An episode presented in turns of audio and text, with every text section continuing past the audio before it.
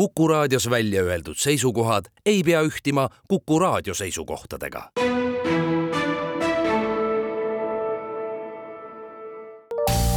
terviseks. Saadet toetab Lääne-Tallinna Keskhaigla, vaata ka keskhaigla.ee tere, head kuulajad, eetris on saade Terviseks ja me räägime täna veipimise, huuletubaka ja suitsetamise mõjudest suu tervisele. mina olen Ingela Virkus ja koos minuga on stuudios Lääne-Tallinna Keskhaigla hambaravikliiniku ülemarst doktor Krista Vapper, tere! Tere! novembris toimub üle-eestiline sotsiaalteavituskampaania Hammaste tervisekuu, mis keskendubki siis just veipimise, huuletubaka ja suitsetamise kahjulikele mõjudele hammastele, et äh, kui palju teie oma töö käigus äh, neid patsiente näete,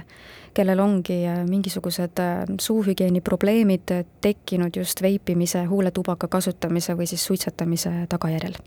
Jah, et ähm, nüüd äh, töös puutume kokku täpselt nii palju, kui me siis patsiendi käest küsime, sest näiteks noh, veipimine on tõenäoliselt selline, mida lõhnast ära ei tunne. aga suitsetaja tunneb muidugi alati lõhnast ära. ja sellest teemast me kindlasti räägime. ja ütleme, mokatubakas või siis snuus või, või mitu nime tal ka nüüd täpselt on sellega on ka nii, et kui ikka kasutaja on järjepidev ja pikaaegne kasutaja, ja ka kuidagi ühepoolselt seda nii-öelda tarbib, ehk siis kogu aeg ühes põses või nii, siis me ka tegelikult märkame seda nagu konkreetselt suus ka. kuidas see väljendub või mida te täpsemalt märkate? no eks kahtlustama peab erinevaid asju, et kohe ei saa öelda, et ta kindlasti mokatubakat tarvitab, aga noh, eks me siis küsime, et kui suus on näha mingit imelikku sellist kahjustust hammastel, igemetel eelkõige Äh, mis võib sedamoodi välja näha, siis tuleb küsida inimese käest ja siis teinekord nad ütlevad ka, aga võib-olla alati ei ütle. kuidas sellega üldse on, et äh, see on selline halb harjumus, millest on väga keeruline lahti saada, et kas te olete juba loobunud natukene nagu sellest noomimisest, et jätke suitsetamine nüüd maha või ärge tehke seda või ärge kasutage seda või, või mis te tavaliselt ütlete või kuidas te reageerite? Äh, no tegelikult on vist nii, et äh, eks see lähenemine on hästi individuaalne et võib-olla hambaravis Eestis hambaarstide hulgas ei ole väga levinud see, et äh, me võiks mõelda rohkem selle peale, et inimesi nõustada suitsetamisest loobumisel. Äh, sest meie juures käivad ju väga paljud äh, terved patsiendid, kes tõenäoliselt ei satu lähiaastatel võib-olla üldse teiste arstide vaatevälja. ja seda nii-öelda esmast teavitust neile, et miks see suitsetamine ikkagi võiks kahjulik olla või miks näiteks veipimine võiks kahjulik olla või miks mokatubakas ei ole nagu tervisele hea, äh, see info võiks tulla hambaarstide käest rohkem, kui ta võib-olla täna tuleb aga miks need on kahjulikud, et loomulikult on, aga, aga just äh, hambaarsti seisukohast, et äh, mis need kõik võivad siis lõpuks äh, suu tervisele teha või, või kui kaugele need võivad areneda ja kui tõsiseks? no hakkame siis sellest peale, et võtame need siis ükshaaval kätte, et äh, ütleme, see kõige levinum ikkagi endiselt on ju suitsetamine, tavaline sigari suitsetamine ja äh, seal on siis mitu kahjulikku asja, eks, et kuna seal toimub siis nii-öelda põlemis- ja kuumutamisprotsess, siis sellega koos äh, jõuavad meie organismi ikkagi konkreetselt kantserogeensed ained, eks. et me ei räägi mitte niivõrd nikotiini kahjulikkusest, kui me räägime just nendest lisaainetest, mis sellega kaasnevad ja tekitavad kahjustusi kogu organismis. Äh, suu pool on kõige olulisem vast äh, ikkagi konkreetselt nikotiin ka, sest äh, nikotiin tekitab ju oma nagu toime lõpptulemusena väikeste veresoonte ahenemist ja igemetes on äh, just hästi palju väikseid veresooni, mistõttu siis nikotiini tarbijal äh, tekivad sellised äh, noh, sellised kahvatud igemed, või igemete verevarustus äh, muutub nagu väiksemaks, mille tulemusena siis koed ei saa piisavalt hapnikku ja noh, siis hakkavad juba hädad peale, eks, et äh, ütleme, et hambad võivad küll terved olla ja ka neid pestakse näiteks hästi, aga nad ikkagi seal igemes ei püsi, mis äh, verevarustust ei saa. ehk et hambad võivad lihtsalt ühel hetkel hakata välja kukkuma? no ja põhimõtteliselt tekib siis igemepõletik, mis on natuke teistmoodi ja natuke salakavalam just sellepärast, et ei ole seda klassikalist veritsuse pilti. et inimene noh, hambaarst arstid tihti küsivad, et kas teil ham-, hammaste pesuligemed veritsevad. ei veritse, ütleb inimene, sest et äh, tõesti ei veritse, kuna seda verevarustus on häiritud ja, ja tegelikult see põletik kulgeb nii-öelda veel varjatumalt kui tavaliselt. ja jälile jõutakse sellele jah, nagu natuke liiga hilja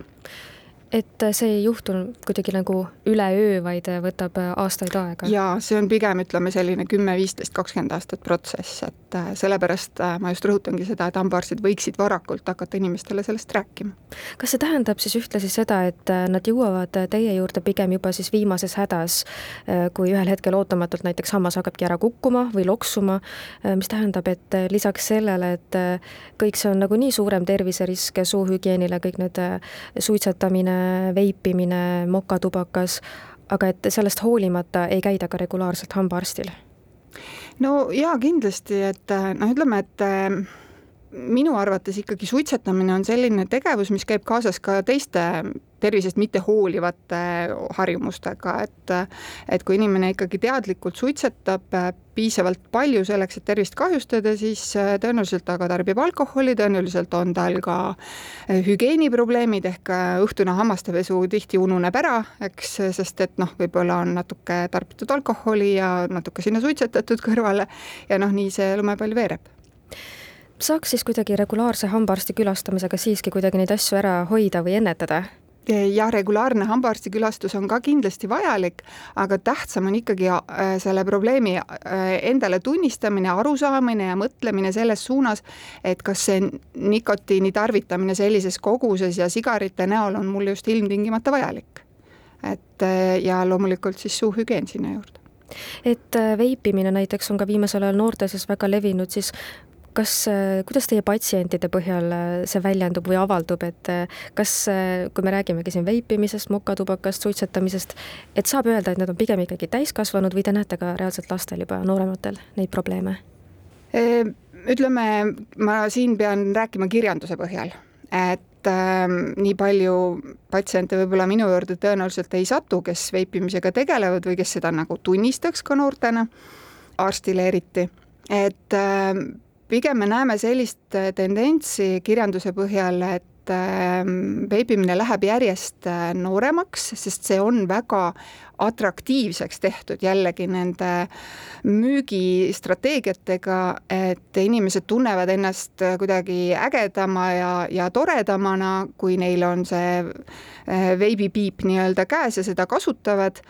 ja mida veel siis nähakse, on see, et ähm, et kui me muidu nägime sellist suitsetamise langust äh, sigarettide näol, siis veipimine pigem on tõusutrendis kogu maailmas